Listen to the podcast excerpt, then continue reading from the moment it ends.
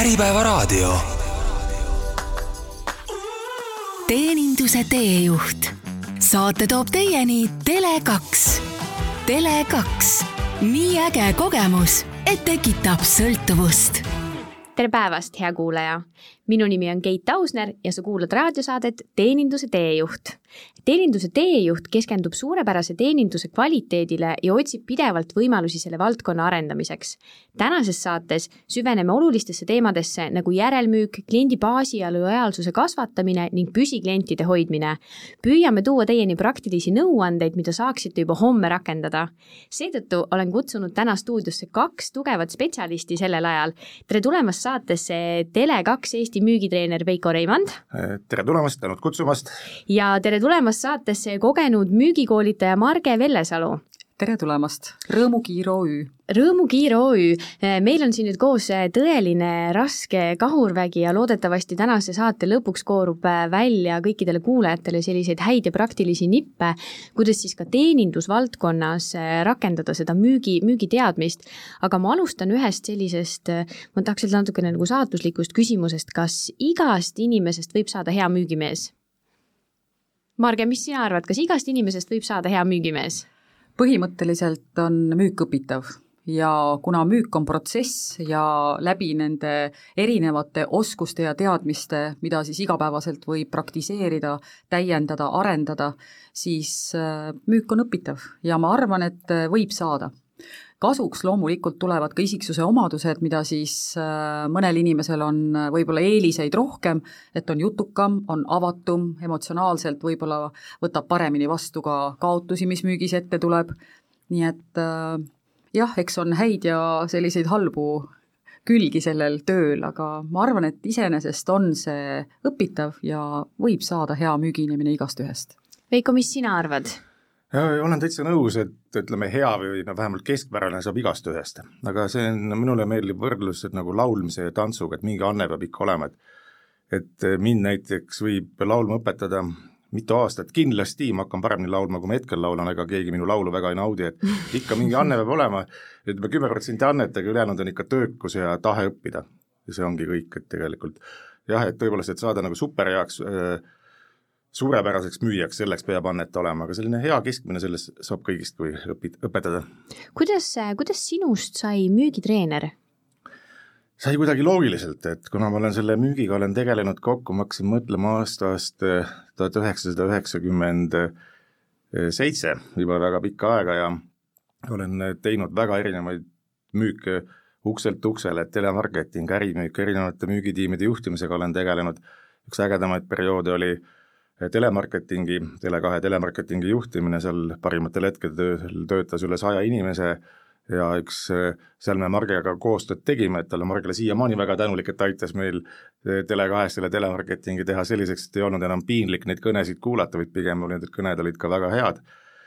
Ja siis ühel hetkel saabuski see hetk, et ma tundsin, et tegelikult on, kuna ma niikuinii eelnevate tööde käigus kogu aeg inimesi koolitasin ja tundsin, et see tugevus mul on, siis ma hakkasingi inimesi koolitama ja treenima Tele2-s ja üks pool ongi see koolitamine, treenimine, aga tegelikult peavad ju kõik need süsteemid ja protseduurid ja erinevad kliendi teekonnad peadki ise välja mõtlema ja siis saad hakata alles neid koolitama. Marge, kuidas sinust sai müügikoolitaja? See on ka seotud minu eelneva töökogemusega ja ma olin pikka aega Mercedes-Benzis äh, müügidirektor. ja siis juhtus äh, selline olukord, et äh, et ma avastasin, kui tore on õpetada müügikonsultantidele või järelteeninduse inimestele siis auto hingeelu, siis kuidas näiteks toimivad erinevad tehnoloogiad, milline on hea teenindus ja sealt edasi siis ma otsustasingi teha elus kannapöörde. Ja otsustasin, et nüüd on aeg ümber õppida. Äh, õppisin äh, Braunschweigi ülikoolis veel ja siis lõpuks äh, saigi minust siis koolitaja. ja olen puhtalt praktik, kes siis on omanud kogemust nii müügis kui teeninduses ja läbi selle ka siis ise alustanud nullist koolitaja teekonda Marge, sa oled päris palju erinevaid ettevõtteid koolitanud, kas sul on mingisugune valdkond, kus sulle meeldib rohkem koolitada või kus sa näed, et need tulemused on kiiremad tulema? mm. -hmm. mul on erinevaid valdkondi on, aga väga meeldib just äriklientidega tegeleda, kes tegelevad suuremate ettevõtetega või siis äh, sellised, kus sa pead tegema kliendile terviklahenduse või tervikpakkumise. et see ei ole ainult, et üks mingi toode või teenus, vaid pikaajalised koostööprojektid, et kuidas siis hoida suhet, kuidas seda luua võib-olla kõigepealt et sellised äriklientide projektid mulle ka väga meeldivad. seal see müük tegelikult lähebki juba rohkem teeninduseks, on ju, sest see, see suhe on nii pikk äh, kliendi ja, kliendi ja selle müügiagendi vahel, on ju, et ta ei ole jah, niisugune ühekordne protsess tõenäoliselt mm. -hmm. aga ma päris nii ei ütleks ka, sellepärast et see üks suurimaid äh, takistusi, mis äriklientidega müügitöös ette tuleb, on see, et eeldatakse, et ega tal on ju samad vajadused, et ma hakkan teda teenindama aga äriklientidel vajadused ja soovid ajas muutuvad. Ja see tähendab seda, et me peame ikkagi proaktiivselt, regulaarselt äh, tegema võib-olla ka ennetavaid pakkumisi, võtma regulaarselt ikkagi oma suurklientide, äriklientidega ühendust, äh, sellepärast just, et nende vajadused võivad ajas olla muutunud ja kui konkurendid selle avastavad, et nad ei ole hästi hoitud, siis nad teevad näiteks ennetava parema pakkumise ja me võime sellest kliendist lihtsalt ilma jääda nii et äh, sellel teemal me ka väga palju siis arutleme, et mida teha, et seda klienti pikas perspektiivis äh, enda külge siis siduda see on väga huvitav tähelepanek tegelikult, et, et just mitte sinna mugavustsooni langeda ja eeldada, et kui ärikliendiga on juba suhe, et küll ta ise pöördub, kui ta midagi tahab, on ju, et seda müüki mitte sealt ära kaotada mm. -hmm. kas, kas Tele2-s teil, Veiko, on kuidagi teadlikult see äh, protsess välja mõeldud, kuidas te oma äriklientidega seda suhtlust aktiivsena hoiate? jaa, ja loomulikult see on kõik paika pandud, kellega, millal kui palju, liiga palju ka ei tohi ja pole ka mõtet helistada ja küsida, noh, kuidas -hmm. läheb. ikka saab olla mingi uudis, mingi sõnum sa pead nagu tegelikult huvi tundma ja noh, nagu täpselt siin jutuks ka oli, et et vajadused muutuvad, tänapäeval väga kähku muutuvad, siin võib-olla, et kuu aega tagasi olid ühed vajadused, teil on hoopis teised vajadused, ettevõte muudab profiili erinevatel põhjustel ja kõige tähtsam ongi see, et et kui ettevõttel tekivad mingid mõtted, ta soovib midagi, et tal oleks niivõrd hea suhe Tele2-ga, meie siis ütleme ka ärikliendi halduritega, et ta enne, kui ta hakkab midagi tegema kuhugi mujale minema, võtab ta meiega ühendust. siis ongi, ongi kõik suhe peab nii olema ja siis ongi, siis saame pakkuda midagi ja vahel saame, vahel mitte, aga vähemalt, et me saame temaga, talle nõuks olla kuidas, ähm, kuidas see nagu äh, selline nagu strateegia loomine teil käis, et kas teil on kuidagi ära kirjeldatud näiteks, et meie Tele2-s oleme äriklientide suhtes sellised, võtame ühendust vähemalt sellise regulaarsusega või, või olete te selle kuidagi ära kirjeldanud oma jaoks, seda protsessi? jaa, selle kohta on reeglid ja protseduurid paika pannud, sellest võiks pikalt eraldi saate teha, aga loomulikult on segmenteeritud vastavalt kellega, kui palju ja oluline on ka, et me, et nende kui me võtame ühendust, et me nende ühenduse võtmise käigust ka soovitame meie uusi tooteid ja teenuseid, mida meil tuleb kogu aeg väga palju, jälle kaardistame, tutvustame uusi lahendusi kui iga poole aasta tagant jälle midagi uut tuleb ja see on täpselt nagu kahepoolne asi, et üks on see, et me no näiteks mul tuli väga äge kõnekeskuse lahendus välja, et no võib-olla kõikidele ta ei sobi, aga kui me soovitame, nii ettevõtte juht seda kuuleb, talle jääb meelde, esiteks, et Tele2-l on niisugune äge lahendus, äkki on vaja, ja teine asi, isegi kui vaja ei ole, siis ta teab, et ta teeb koostööd sellise ettevõttega, kus on sellised ägedad asjad teil on mõlemal omajagu eh, kogemust ja ajalugu müügivaldkonnas ja olete kindlasti kokku puutunud ka eh, selliste võib-olla mm, väikeste apsakatega, mida müügiinimesed kipuvad tegema või mida müügis kiputakse tegema. oskate te äkki jagada, näiteks Marge, alustame sinust, millised on sellised nagu levinumad vead, mida sa Eestis igapäevaselt müügis oled näinud? Mm. -hmm. üks, äh, mida ma välja tooksin, on see, et äh, nagu ma alguses mainisin ka, et äh, müük on protsess ja protsess on õpitav. aga alati on küsimus selles, kes seda protsessi juhib. ja kui seda teeb siis müügiinimene või teenindaja või müügikonsultant, ükskõik kuidas me teda nimetame, siis on tulem saavutatud. aga väga tihti kliendid võtavad ise juhtimise üle ja üks selline libastumise koht, mida ma olen näinud äh, ja kuulnud just müügis, on see, et äh, vajaduse tuvastamine kui selline jääb vahele. ja ma ütleks niimoodi, et see täna on üks olulisemaid etappe, sest siin luuakse usaldus ja inimesed äh, tahavad näha seda, et see müügiinimene või partner, kellega me koostööd teeme, et ta mõistaks ja näeks minu vajadust just minu silmade läbi ja vaat siin on see, kui, kui klient võtab näiteks juhtimise üle ja ütleb, noh, mis sul mulle pakkuda on, siis on väga kerge minna oma vingeid tooteid esitlema, noh näiteks nagu Tele2 ütles ka, et oi, mul on need ja need ja need asjad, või ükskõik, me läheme nagu libastume sellest, et me hakkame oma lahendust talle välja käima. See on kõige suurem libastumise koht minu arvates esiteks. ja teiseks on see, et me arvame, et otsustamine peab alati jääma kliendile. Aga minu arvates äh, tuleks äh, otsustamine teha võimalikult äh, lihtsaks, võimalikult kergeks, et inimene saaks võib-olla kaks valikut maksimum. Ja kui neid on liiga palju ja ütleme, et meil on nii lahedad asjad ja võib seda võtta või toda võtta, siis tekivadki vastuväited, et ma mõtlen veel või inimene siis jätabki otsuse tegemata ja kui keegi teine on aktiivsem ja julgustab ja soovitab rohkem või selgitab ja argumenteerib paremini, siis on see müük läinud. nii et kaks punkti, vajaduse tuvastamine ülioluline ja otsustamise kergus kliendi poolt. aga kuidas sellest, sellest vajaduse tuvastamisest nagu, kuidas selleni jõuda, sest tihtipeale need kontaktid, kui me võtame veel eriti sellised, sellised müügid, mis ongi näiteks kas telefoni teel müük, on ju, või ka kaubanduskeskuses, need, kes juurde astuvad, siis tihti selle mm, e-, eestlase esimene reaktsioon on ikkagi ei, ma ei taha mitte midagi, on ju.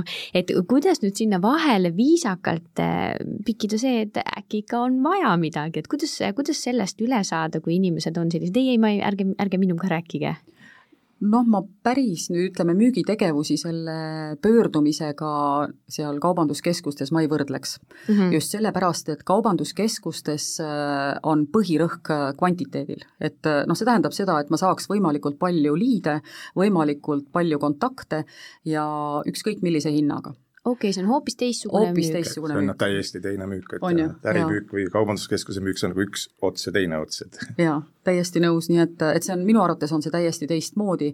Ja kui me räägime telefonimüügist, siis äh, loomulikult äh, paraku meie, meie Eesti ühiskond on veidi äh, kuidas ma ütleks, vastumeelne selle telefonimüügi poole pealt, aga saab ka siin väga häid selliseid näpunäiteid ja, ja samme teha, et seda vajadust tekitada. et ta ei tohiks kõlada, see müügikõne, kui, kui näiteks mingisugune ma, tere päevast, eks ju, et olen jälle siin teie jaoks. et ta -hmm. peaks olema pigem loomulik ja, ja hoopis teise nurga alt tuleks alustada selle vestlusega. Veiko, millised sinu kogemused on, mis need tüüpilised vead on, mis kipuvad juhtuma?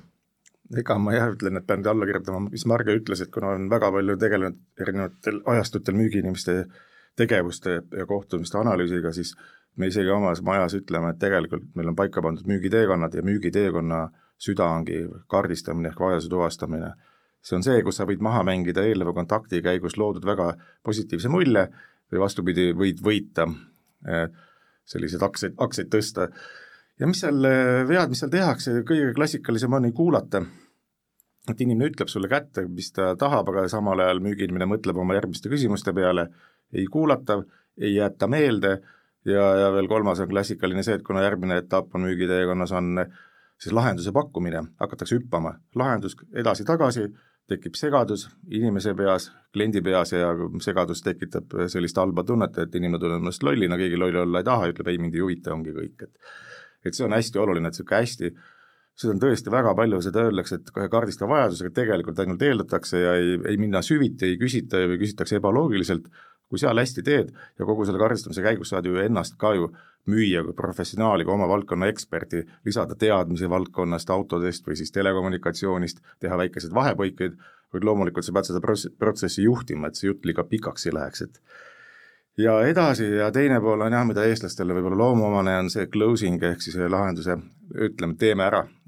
tihti kuuled kõnet, no nii hea ja kliendikandidaat juba ütleb, jah, ma tahan seda enam-vähem ja ütleb, aga jaa, mõelge, ma saadan teile lahenduse meilile, et vaadake seda ja mm -hmm. see on kuidagi nagu ei julgeta öelda või jääb ütlemata, et kui ma ise oma müügipraktikas olen näinud, kuidas on võimalik nagu hopsti ühe sõrmenipsuga müüki kahekordistada, on see, kui väga hea ekspert, väga hea kuulaja, väga hea lahenduse pakkuja hakkab tegema closing ut. ja ongi kõik, et on siiamaani olnud, nagu me nimetame, infolaua töötaja, kes on jaganud väga head infot ja inimene eh, oleks võib-olla ammu võtnud, aga tal ei ole tehtud konkreetset ettepanekut. ja kui ettepaneku teed ja võetakse vastu, ongi kõik hästi, et need on põhilised, põhilised, et ütleme jah, kogu selles müügi koolituste käigus olen näinud sellist äh, head algust, sellist äh, kuidas kontakti saada, seda on võimalik õpetada, seda ka kõne, selline kes kauplustes ja kaubanduskeskustes need müüvad ja on seda väga hästi ära õppinud. Aga seda kaardistamist on kõige raskem õpetada, sest sellel on kõige vähem sellist ette planeeritavat, mida ei saa nagu öelda pähe õppida, et ma olen äh, ise ka teinud äh, kunagi, kunagi ülikooli kõrvalt äh, telefonimüüki ja sellepärast olen ma väga suur telefonimüügi fänn, ma alati võtan kõik müügikõned vastu, ma alati kuulan kõik lõpuni, mitte isegi võib-olla huvist toote vastu, vaid huvist selle vastu, kuidas need kõned kulgevad ja täpselt sama, et millal nad küsivad mult, mis mul tegelikult vaja on, on ju, väga palju ei küsita. ja teine asi, mis ma olen märganud, on see, et hästi palju tegelikult on sellist nagu skriptipõhist müüki. ühe korra ma jälgisin ka, ma jätan selle toote nimed nimetamata, aga minule anti esimest korda kõnes sõna siis, kui see kõne oli kestnud kaks minutit ja umbes kolmkümmend sekundit, on ju, mhm. et ta alustas selle terega ja siis kõik see, mis tal öelda oli, on ju, siis ta kahe minuti möödus ta siis veendus, et kas ma ikka kuulan ka, on ju. Mhm. kuidas, Marge, näiteks sina suhtud skriptipõhisesse müüki? et äh, ma ütleks niimoodi, et hea on need sammud läbi mõelda, mida ma teen ja kuidas ma teen, sest läbi selle alguses inimene saab ka enesekindluse aga ma olen täpselt samamoodi müügikõnede fänn ja ma pean tunnistama, et ma isegi mõnikord kuulan müügikõne ja siis ma ütlen, et teeme stopi. Ja siis, siis küsib see nii-öelda telefonimüüja, et, et kuidas palun? ja siis ma ütlen, et teeme stopi, et hakkame otsast peale, et ma räägin teile, et kus otsast tegelikult tuleks hakata ja ärge kasutage seda kõne, kõneskripti, vaid olge loomulik ja mõelge, kas te päriselt tahate seda toodet mulle pakkuda ja kas ta võiks mulle sobida ja siis, äh, siis on näha seda, kuidas nad kohmetuvad ja siis me ütleme, teeme nüüd uuesti. Ja teate, kui tore on seda kuulda, kui ta proovib ja teeb minuga selle kõne uuesti. Ja ma usun, et pärast seda on ta kindlasti enesekindlam ja teeb need parandused seal oma kõneskriptis. Me töötame välja küll ka klientidega kõneskripte ja pöördumisi ja, ja seda, et kuidas alustada ja seal ei tohiks olla mingeid vigurdamisi ja minu arvates äh, see, et ma kuulan seda ja kui on jälle sõnad niimoodi suhu pandud ja ja sellised, äh, sellised äh, võõrad laused nagu, mis mm -hmm. sellele inimesele ka ei sobi, siis, siis see ei ole, see ei ole nagu usutav et minu arvates see kõneskript peab olema, aga ta peab olema sinu nägu ja oluline, et sa lihtsalt oled oma need tegevused sinna lahti mõtestanud, mida ma nüüd teen või mida ma nüüd küsin skriptiga on, kas skript võiks aidata, tähendab siis näiteks sellistes olukordades, kui on mingisugused sellised nagu ma ei tea, niisugused tüüpvastused, mul ei ole aega või ma ei tea, ma ei oska praegu öelda, umbes just näiteks, kui ja, siin Veiko mainis seda close imise asja, on ju, et kui oleks võib-olla see skript, mis ütleks, et vot kui klient nüüd ütles, et ma tahan veel mõelda, on ju, et, et kuidas siis teda nagu sellest, kuidas koos võib-olla see välja mõelda selle mm, -hmm. selle protsessi käigus, on ju. et äh, ma toon näiteks äh, ühe noh, minu enda klient on ka väga hea ja minu koostööpartner ja on näiteks äh, Euronics. ja ma toon siin selle näite, et äh, et me oleme kõik koos ka välja töötanud sellised terviklahendused, me teame täpselt, kuidas need asjad peaksid, kuidas me kliendi poole pöördume, mida me teeme. Ja see vastuväited oleme väga põhjalikult läbi töötanud, sellepärast et vastuväide ei teki lihtsalt kuskilt, et oih, nüüd tegi vastuväite, vaid sellel on omad põhjused.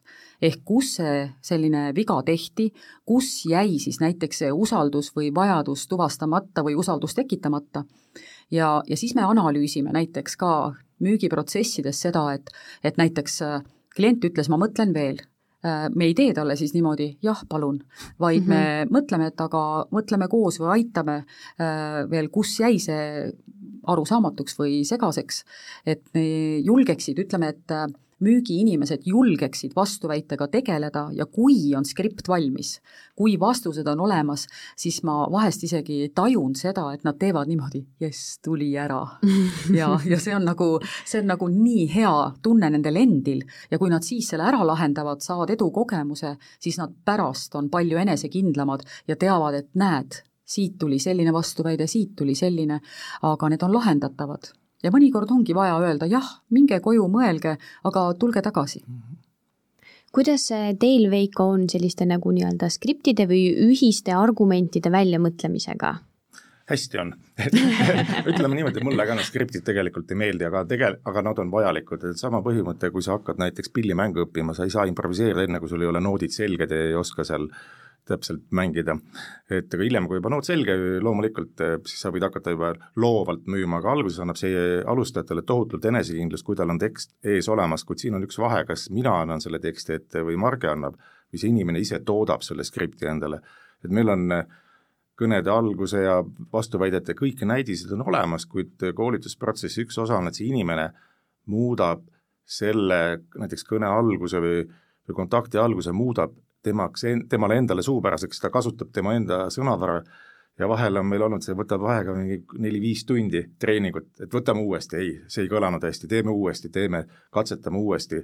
Ja lõpuks, kui see paika saab, siis äh, täpselt tekib samasugune tunne, jess, nüüd olen valmis ja, ja see toimib ja see on, sa kohe tunned, kui inimene et äh, mina olen võimeline igasugust skripti tegema, aga paljud inim-, noh, kõikide inimeste suus nad ei tööta, aga mis puudutab vastuväiteid, paljud müüjad, eriti algajad, väga kardavad neid. kuid tegelikult on kogu, on see kogu selle müügiprotsessi kõige lihtsam osa.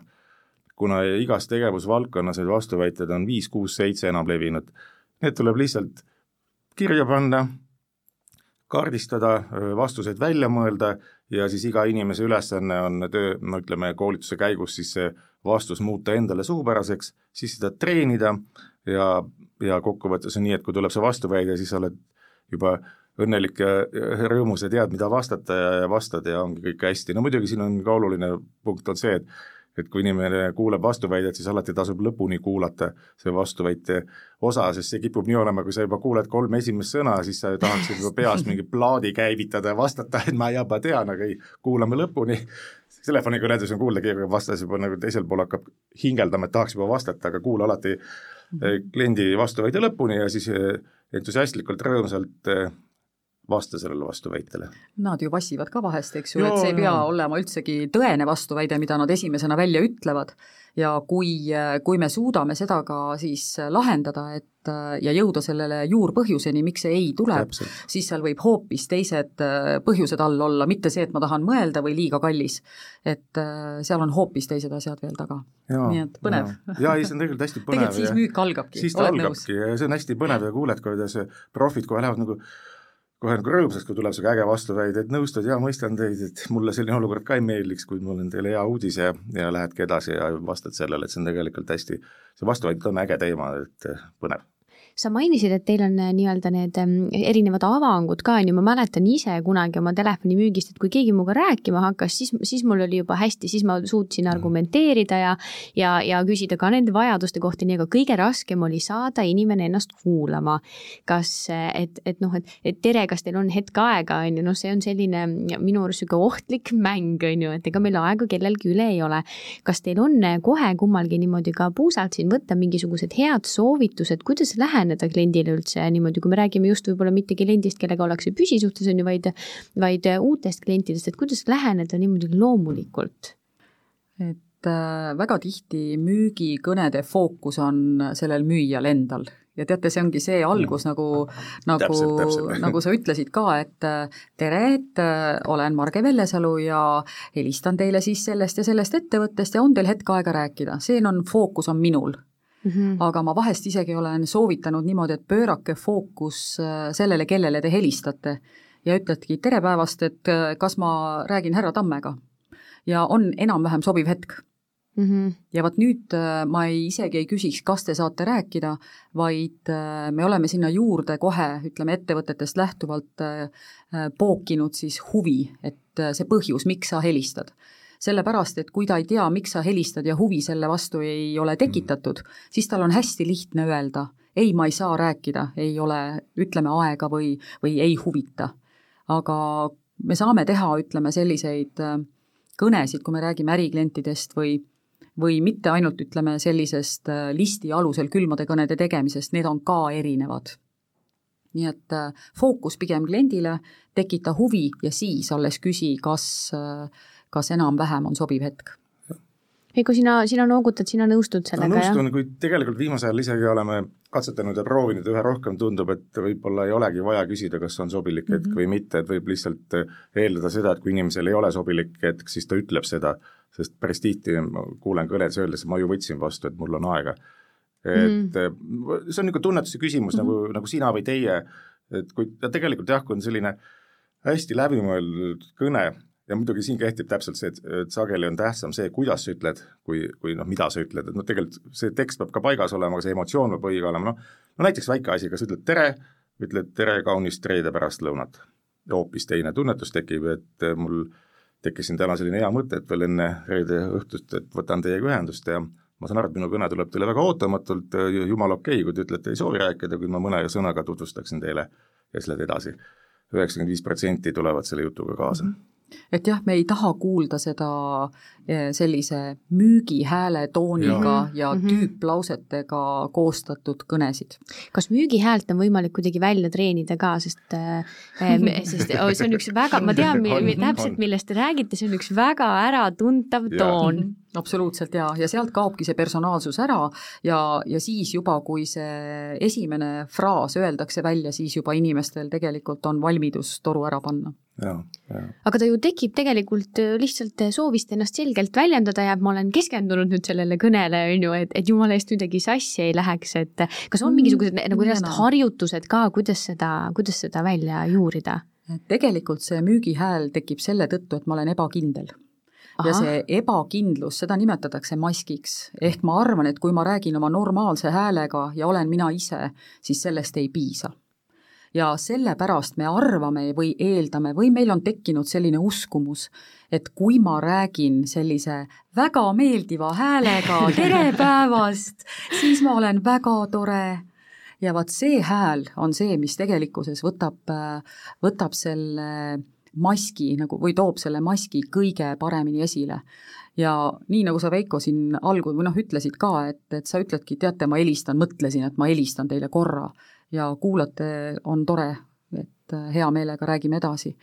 aga jah, see mask hääles äh, või nimetagem seda kuidas tahes, eks ju, või porgandi hääl või mis asi, eks ju, et siis, äh, siis seda saab tegelikult välja treenida ainult siis, kui keegi teine seda sul kõrval kuuleb.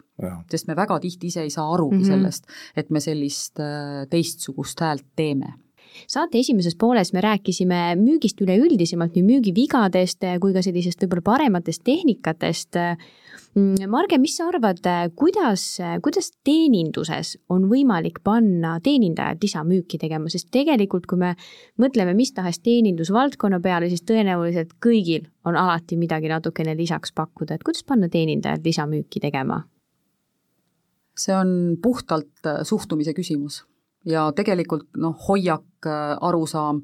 Ja kus tehakse kõige suurem viga minu arvates täna, kui me läheme teenindaja juurde, kes ei ole lisamüüki ennem teinud?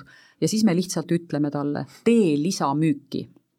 Ja tekib küsimus, et mis see siis on? Ja jah, me selgitame, et küll on need igasugused komplektidena müügid või cross-selling või up-sale, et need on, need on kõik sellised äh, uhked ja toredad sõnad aga ma siinkohal tooksin jälle ühe puhtalt praktilise oma partneri, kliendi, väga hea äh, kliendi näite, see on Benu apteegid. ja vaadake, seal läbi nõustamise, läbi terviklahenduse ja kui nüüd ühe, ütleme näiteks farmatseudile seda, et või, või ka üldiselt ütleme apteegis, et see lisamüük ei ole, see ei ole fookus vaid küsimus on selles, et kuidas me pakume terviklahendust, et inimene saaks kiiremini terveks ja näiteks me seal seda hoiakut ja suhtumist müügitegevustesse muutsime läbi selle, et me ütlesime, et see lisamüük ei ole mitte midagi muud kui kliendile hea meeldetuletus. Sest inimesed ei jäta ostmata mitte sellepärast, et nad, ei taha, vaid sellepärast, et nad ei teagi, ja kuna meie oleme nõustajad, professionaalid näiteks antud olukorras apteegis, siis inimene on väga tänulik selle eest, et talle see hea meeldetuletus tehti ja ta saab, ütleme, koju minnes koheselt hakata ennast terviklikult terv-, ütleme, ravima siis nii et noh, see on see näide. või ma toon ka Euronixi näite, näiteks kuna nad on praegu minu väga head partnerid, sellepärast ma neid siin ja nendega olen väga palju ja pikalt tööd teinud, siis näiteks toon ka siin selle näite, et äh, meil on väga palju teenuseid, ütleme Euronixis pakkuda ja mis seal, kui me ei ütle kliendile, et tegelikult sa saad kojuvedu, sa saad kõiki selliseid teenuseid, paigaldame, sa võid ükskõik muretult näiteks ka garantii sõlmida veel lisaks ja sa ei pea muretsema näiteks neli aastat. Ja vot see on terviklahendus ja kui inimene mõistab seda, et see ei ole mingi pähemäärimine ega, ega mingi ekstra asja tegemine, vaid see on tervikpakkumine ja terviklahendus ja hea meeldetuletus. ja muideks see, see mõjutab päris palju seda, et see tulemus tuleb kas sul on kuskilt ka niimoodi võtta umbes mingisugused protsendid, palju selline teeninduses lisamüük võib käivet aidata kasvatada? ma päris niimoodi numbreid ei oska öelda, aga tegelikult noh, ma võin kuna ma teen väga palju ettevõtetes ka selliseid testoste või neid mystery shopping uid nagu ja, ja seal on ju fookuses erinevad tegevused, et mida siis peaks tegema. ja ma võin julgelt väita, et teatavate tegevuste tegemisel või, või selle suhtumise muutumisel on need numbrid äh, kasvanud näiteks aastaga päris palju, et isegi võin öelda julgelt kakskümmend, kakskümmend viis protsendipunkti. nii et, äh, et see on tulemuslik, kui inimesed mõistavad seda, mis see tegelikult see lisamüük on ja neile lihtsalt ei öelda, et nüüd hakka tegema kelle, kelle roll see on või kuidas ütleme niimoodi, et kui, kui praegu näiteks keegi kuulab ja mõtleb, et ahah, et tahaks ka võib-olla oma ettevõttes võtta fookusesse selle lisamüügi tegemise, sest et sa sõnastasid selle tegelikult väga hästi, see lisamüük ei ole eh, õigesti tehtuna, ei ole mingisugune nagu pealepressimine, et, et võta, võta see ka, praegu on kaks poole hinna, võta see ka, võta see ka, mhm. on ju. et ta tegelikult on hoopis justkui nagu hea teenindus, et sa tead, et kui sa võtad magneesiumit, et D-vitamiin sobib siia kõrvale väga hästi, et aitab seda toimet nagu tugevdada, mhm, on ju. Mhm. mul endal just tuli selline kogemus, et ma käisin juuksuris ja juuksur ütles, et selle meie siis külaskäigu lõpus, et aa, et meil on nüüd mingi koostööpartner ka, et ma peaksin sulle pakkuma neid tooteid, vaata, ja siis mina ka nagu kohmetusin, et ahah, et, mhm, et nojah, et ma, ma ei oska nagu öelda, aga kui ta oleks öelnud, et kuule, ma praegu panin sulle pähe seda õli, ma vaatan, see sinu juuksetüübile väga hästi sobib, et, et kui sa tahad, meil on praegu partneriga miinus kakskümmend protsenti, et kas sa tahad seda õli ka, on ju, proovida näiteks, et, mhm. et oleks hoopis teistmoodi, aga tundub, et, et see ilustas väga hästi seda sinu mõtet, et võib-olla see juuksur ei olnud talle võib-olla ka öeldi, et nüüd me peame seda müüma, seda toodet, on ju. ja, ja muidugi lisamüüki, noh, me nimetame teda ükskõik kuidas, eks ju, et et see tervikpakkumine või lahendus, seda ei saa teha tühjalt kohalt et äh, ma ei saa olla tõesti, siis ma kõlangi, ma ei taha nimetada kellena, aga, aga siis ma olengi täpselt selline nagu, et aga sulle ka midagi või aga see pole mm. veel kõik, on ju.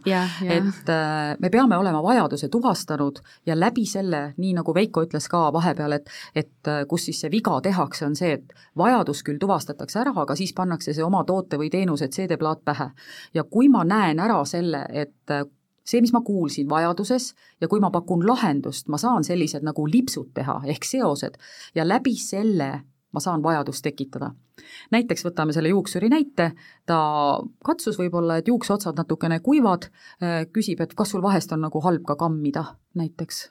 Jah, on küll, näed, pärast pesu on väga tugevalt kinni need juuksed ja olekski kohe õlimüük tehtud mm. -hmm. ja see ongi see, et sul oleks lihtsam läbi kammida, et sul oleks juuksed terved ja su juukseotsad ei läheks katki, siis äh, ongi see lahendus läbi selle vajaduse tekitatud ja nimetagem siis seda lisamüügiks kuidas, äh, Veiko, äh, sina oma tiimis seda, seda noh, lisamüük ja see lisamüük kõlab võib-olla, ütleks isegi võib-olla soovitusmüük on see või selline mhm. toetav või midagi ilusamat selle kohta. no hea meeldetuletus ju. just, just, et kuidas, kuidas sina oma tiimis seda oled äh, korraldanud?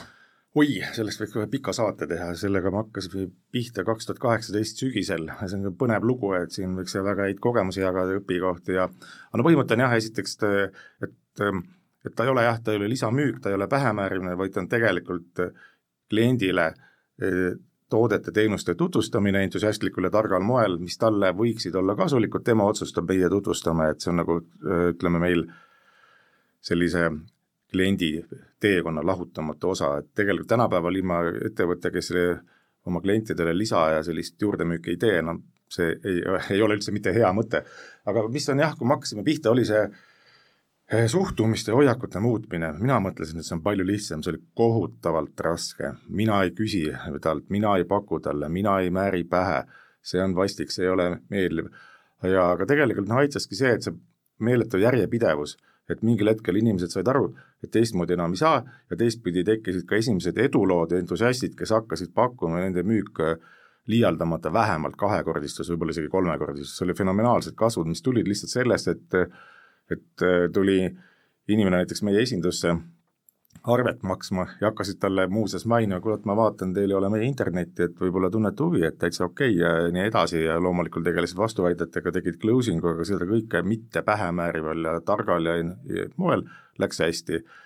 ja teine pool muidugi siis tuleb kindlalt ikkagi paika panna, et eh, meil on olemas kliendi teekond, see on ütleme jalgpallimäng, jalgpallimängus on reeglid ja need reeglid on kõikidele täitmiseks et eh, ei saa niimoodi, et Narvas mängitakse jalgpalli ja Tallinna omad mängivad siin võrkpalli, et pall ikka ühesugune, ei, reeglid on paigas, aga vaatamata sellele, et jalgpallis on reeglid paigas, on ju kõik, kõik mängud on nauditavad ja erinevad, no mõni mäng pole ka mitte nii nauditav, aga enamik on nauditavad. et reeglid paigas, siis teine asi loomulikult eh, koolitussüsteemid, tugisüsteemid, et selle teekonnapõhiselt koolitamine, toetamine, eh, on teatud inimesed, kes vajavad, et sa põhimõtteliselt ütledki neile ette, et nüüd siin pead sa seda ütlema, ja täpselt pead saama ta proovima, tekiks nagu lihasmälu, ajumälu, ta vaatab, oo, nii saab ka, jube lihtne, et et meie võime siin mõelda, et see on nii lihtne, et öelda ja küsida, et kas te olete juba seda proovinud, aga tegelikult mõne jaoks on see ületamatu saavutus ja midagi peab nagu kurbusega tõdema, ega kõik ei suudagi seda teha. aga jah, aga kui sa paned inimesed tegutsema, proovima, siis nad saavad hirmudest üle, siis tekib vau, kui äge, siis hakkab veel, loomulikult on ka müügis sageli ka boonussüsteemid, vaata, et palk on hakanud kasvama ja ja loomulikult erinevad toetavad koolitusmaterjalid, no väga oluline on videotreeningud, jälgimine, mystery shopping, need on kõik, aga see peab olema kõik sellises mitte vägivaldses, vaid sellises toetavas ja hoolivas formaadis, et inimene peab endale selle maha müüma, meie peame toeks olema ja ongi äge, no võin näiteks tuua, äh, ma ei hakkagi ühte esi-, ma ei hakka nimetama, kus see täpselt oli, aga lugu oli järgmine, inimesed olid tööl olnud pikka aega, esinduses kõik olid eksperdid, väga head, nendel oli äh, selle väike, väikelinna inimestega oli väga hea suhe loodud, kõik teadsid, sealt saab väga head teenindust, aga nad absoluutselt ei olnud kunagi aktiivselt soovitanud uusi tooteid ja teenuseid.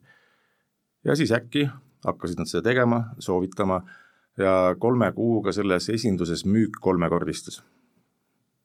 Vau, kolme ja, kuuga kolme ja, ja siis arvati, järgmine etapp, mõned arvasid nii, nüüd müük kolmekordistus, me võtame ka NPS tagasisidet, see kindlasti kukub see kasvas ka mingi kuuekümne pealt kaheksakümne viie, üheksakümne peale. kuna inimesed hakkasid tagasisidet andma, et issand, kui äge, et me läheme sinna esindusse ja meile soovitatakse nii põnevaid tooteid, mul polnud täna vaja, äkki on homme vaja, see jääb inimestele meelde, et neile soovitatakse, nad hakkavad, jätavad, võib-olla mõtlevad eestlased ikka, lähevad koju, hakkavad mõtlema, oot-oot, see oli põnev asi, mulle räägiti, äkki on vaja. noh, siis tulevadki tagasi, hakkavad teistele soovitama, võtavad hiljem ja need, kes ei võta, nendel on ka hea meel, et et need et firma, mille klient äh, ma olen, pakub selliseid ägedaid asju. et see on kuidagi omavahel sümbioosis, see töötab ülihästi mm ja, ja, ja see on nii põnev teema tegelikult. noh, üks asi vaata on see suhtumine, hoiakud, aga ka uskumused, et uskumused, näiteks jah. Äh, minu arvates see, et äh, väga tihti ma kuulen seda, et tal ei ole vaja või tal ei ole raha, et kiputakse vaatama ka selle kliendi rahakotti. ja vot see on ka takistuseks, et issand, see on liiga kallis või, või jah, eelarvamused ja uskumused on ka need, mis seda sellist nagu julget äh, pakkumist takistavad. mina mäletan oma esimesi koolitusi, kus ma käisin, siis oli selline juba niisugune lause, mida hästi palju kasutatakse, ära mitte kunagi mitte midagi eelda, vaid küsi ja täpsusta. aga nii, nii tihti ikkagi eeldatakse, et, et tuleb niikuinii tal raha ei ole, võtta iga kuu käib arved maksmas ja mis siis ikka iga kuu arveid maksmas, see ongi väga tore, iga kuu soovitamegi talle midagi ägedat ja põlevat ja ja see toimib, aga et ei tohi mitte midagi eeldada, tuleb lihtsalt tegutseda. seal võib see ka olla, on ju, et kui sa oled juba saja inimesega sellel ühel teemal vestelnud, siis oma peas tekib mingi statistika ja mis toetab justkui sinu eeldust, et sajast nii mitu ütlesid, on ju, et neil ei ole aega või ei ole raha mm. -hmm. aga, aga kuidas nende uskumustega tegeleda ja kuidas jälile saada, et minu tiimis näiteks on uskumustega probleem, et, et on tiimis liikmed, kelle uskumus näiteks on, et noh, et ongi, neil ei ole seda vaja või see on liiga kallis näiteks, et kuidas, kuidas kõigepealt aru saada, et tiimis on probleem probleem nende asjadega? tuleb kuulata, mida inimesed omavahel räägivad, kuidas nad suhtuvad, näiteks kui tehakse ka selliseid ükskõik, et noh, võtame kas või kauplused, et kui tehakse selliseid äh, hommikukoosolekuid või, või võetakse fookusesse mingeid tegevusi, ütleme, et täna teeme nii ja nii, siis ega mitte mingil moel seda, muul moel seda nagu teada ei saa, kui kuula, mida inimesed räägivad, mida nad ütlevad ja, ja mõnikord ju tegelikkuses on ka tõde, eks, et võib-olla inimesel tõesti raha ei ole sellel hetkel, aga siinkohal on mõistlik ka kindlasti öelda, et jah, tal täna ei ole, aga nagu Veiko mitu korda on öelnud ka, et me saame talle selle mõtte pähe panna. ja ta tuleb siis, kui tal see raha on, aga ta teab siis. Jah, ega ma ei, ma isegi jah, nende, võib-olla isegi võiks kaardistada näiteks oma, kui sul on müügitiim, et siis sa võid kaardistada, et mida me ütleme väga tihti. ja see on hästi, hästi ja. huvitav mõte tegelikult just need uskumused, on ju, et lihtsalt kui sa piisavalt mitu korda midagi ütled või, või kuuled, on ju, siis sa võidki mhm. arvata, et see nii on, on ju, kuigi tege-, ja see hakkab lõpuks blokkima. no muidugi, see on minu tõekspidamine, minu tõde, eks ju, sellel hetkel just, see on, see on väga huvitav, aga, aga see toob mind niisuguse järgmise huvitava küsimuse juurde ka, et noh, me nüüd äh, igas valdkonnas ikkagi kasutame tehisintellekti abi ka ühel või teisel moel, on ju, alustades soovitusmootoritest, lõpetades skriptidega ja seesama tegelikult, mis sina mainisid, et mis on meie tiimis võib-olla see, see mm, üks uskumus, milles inimesed kinni on, tegelikult saaks seda isegi tuvastada võib-olla mingisuguse ai abil, kui näiteks kõnesid kuulata ja koguda kokku, palju seda märgatakse, on ju. aga, aga teie enda, enda nägemus, et, et kas ja kuidas kuidas hakkab tehisintellekt müügivaldkonda mõjutama või kas teie juba kasutate kuidagi tehisintellekti abi või, või kas sa näed, et ta on teile tulemas? me kasutame vähe, tahaks oluliselt rohkem, siin on võib-olla kaks piirat on see, et esiteks see on väga kallis ja teiseks see on see, et paljudel, mida saaks lihtsalt kasutada, seal puudub eesti keele tugi näiteks, on raske kasutada. kuid plaanid on, ma ise nagu mõtlesin ka, et fantaseerisin, mis see võiks olla, siis tegelikult et kindlasti müügi ja teeninduses, ütleme sellist nagu päris, ütleme nagu, me jätame välja, ütleme nagu noh, sellised kohad, kus müük nagu tanklaautomaadid või, või poed, et kus ongi Selve kassad või need automaatkassad, et see on üks pool, aga tegelikult äh, sellises müügis, kus inimene peab suhtlema, soovitama, looma emotsiooni, äh, seal ta kindlasti inimese tööd mitte kunagi üle ei võta, see on täiesti kindel, see on umbes sama ja et viis aastat tagasi öeldi, et kohe tulevad isesõitvad autod, ei ole neid kuskilt, noh, aina hullemaks läheb, et kuid mis on nagu äge, vaata, mis mulle endale, ma olen nagu suhteliselt laisk inimene, aga tegelikult jälle tahaks nagu töö oleks tehtud jälle kohusetundlik olen, et siis nad saaksid nagu selliseid ebameeldivaid tegevusi minu eest ära teha. E, ja just üks ebameeldiv tegevus, näiteks kujutame ette, tuleb inimene esindusse, tal on telefon katki läinud, remonti vaja anda, siis selle taga on võta remonti, täidab pabereid, saada igale poole, et võtaks selle telefoni, viskaks kuhugi kasti, ütleks, et võta see telefon remonti, tal on display katki. ja selle ajal, kui taustal see telefon pakitakse, remonti saadetakse, tehakse erinevad töökäsud, prinditakse dokumendid välja, tänapäeval välja ei prindita, aga tehakse mm -hmm. valmis. sellel ajal saab müügiinimene emotsiooni luua ja suhelda kliendiga, kes on sinna tulnud, tutvustada talle uusi teenuseid ja tooteid ja selliseid võimalusi on, on tegelikult, annaks ju väga palju välja mõelda, sest ma noh, näen, et meie esindustes ikka väga palju tööd läheb selliste nagu ütleme siis back office'i või mingi pakkimiste sisestamiste ja saada kuhugi töökäske ja nende peale, nendest peab maru täpne olema, aga väga hea müügiinimene ei kipu väga täpne olema, siis tulevad vead sisse nii hea oleks, kui saaks, saaks selle roboti teha. see oli väga hästi öeldud jah, need äh, nii-öelda nõmedamad tööülesanded, kui saaks, äh, kui saaks anda. just, äh, ütle Marge lõpetuseks siia mõni oma mõte ka, kas sa oled juba või oled juba kasutamas kuskil tehisintellekti abi? Äh, ma võib-olla ütleks äh, siia ka veel, et kuidas ta teenindust mõjutab, et äh, ma arvan seda, et siin tuleb väga palju muudatusi veel lähiaastatel, et see ei ole üldse veel tõusuteel. Ja ma isiklikult noh, ta on, ta, ta on tõusuteel nii-öelda, aga ma isiklikult arvan samamoodi, et see personaliseeritus jääb, aga need tehisintellektid, ta ei ole ainult robot, vaid ta ongi meil täna digitaliseeritud maailmas selline abiline äh, ja ma ütleks, et needsamad chatid või, või vestlused, mida teevad täna kas siis ütleme, reaalselt inimesed või on ka siis automatiseeritud, siis meie chatid alles õpivad inimesi tundma. ja see, kuidas nad vastavad, mida nad vastavad ja kui nemad hakkavad võtma infot, ütleme sellest põhjatust internetist ja sellest ai-lt nii-öelda, siis selle kasu on väga suur vastused on, ma arvan, et tihti ka selline inimlik viga võib sealt ära kaduda mingitest vastustest. Ja, ja lõppude lõpuks äh, see inimkeelsus muudabki selle niivõrd äh, põnevaks, et äh, me tegelikult ei saa enam aru, et kas ma räägin nüüd päris inimesega või mitte. Ja millal veel seda kindlasti müügis ja teeninduses kasutatakse ja aina rohkem, on segmenteerimine, eeliste väljatoomine, korduma kippuvad küsimused, kõik sellised asjad me saame väga kiiresti automatiseerida ja kiirelt lahendusi pakkuda. Nii et see on tulevik, absoluutselt, noh, ma olen lihtsalt ai fännina ka täiesti mm. ja ma võin öelda ka seda, et mõnikord ma esitan ka küsimusi ja vaatan, mida ta vastab, aga üks väike miinus on, et eks ta siis võib ka loovust piirata. Noh, kui me räägime ja. mingites muudes valdkondades, aga just analüüsides eeliste personaliseeritud pakkumiste tegemisel on ta ülihea lahendus me oleme oma tänase teeninduse teejuhi saatega jõudnud ühele poole. Eh, suur tänu tänastele saatekülalistele, eh, Tele2 Eesti müügitreener Veiko Reimand ja kogenud müügikoolitaja Marge Vellesalu. Eh, mina olen saatejuht Keit Ausner ja kuniks järgmise saateni saate end teenindusvaldkonna uudistega kursis hoida veebilehel kaubandus.ee. aitäh teile ja kõike head!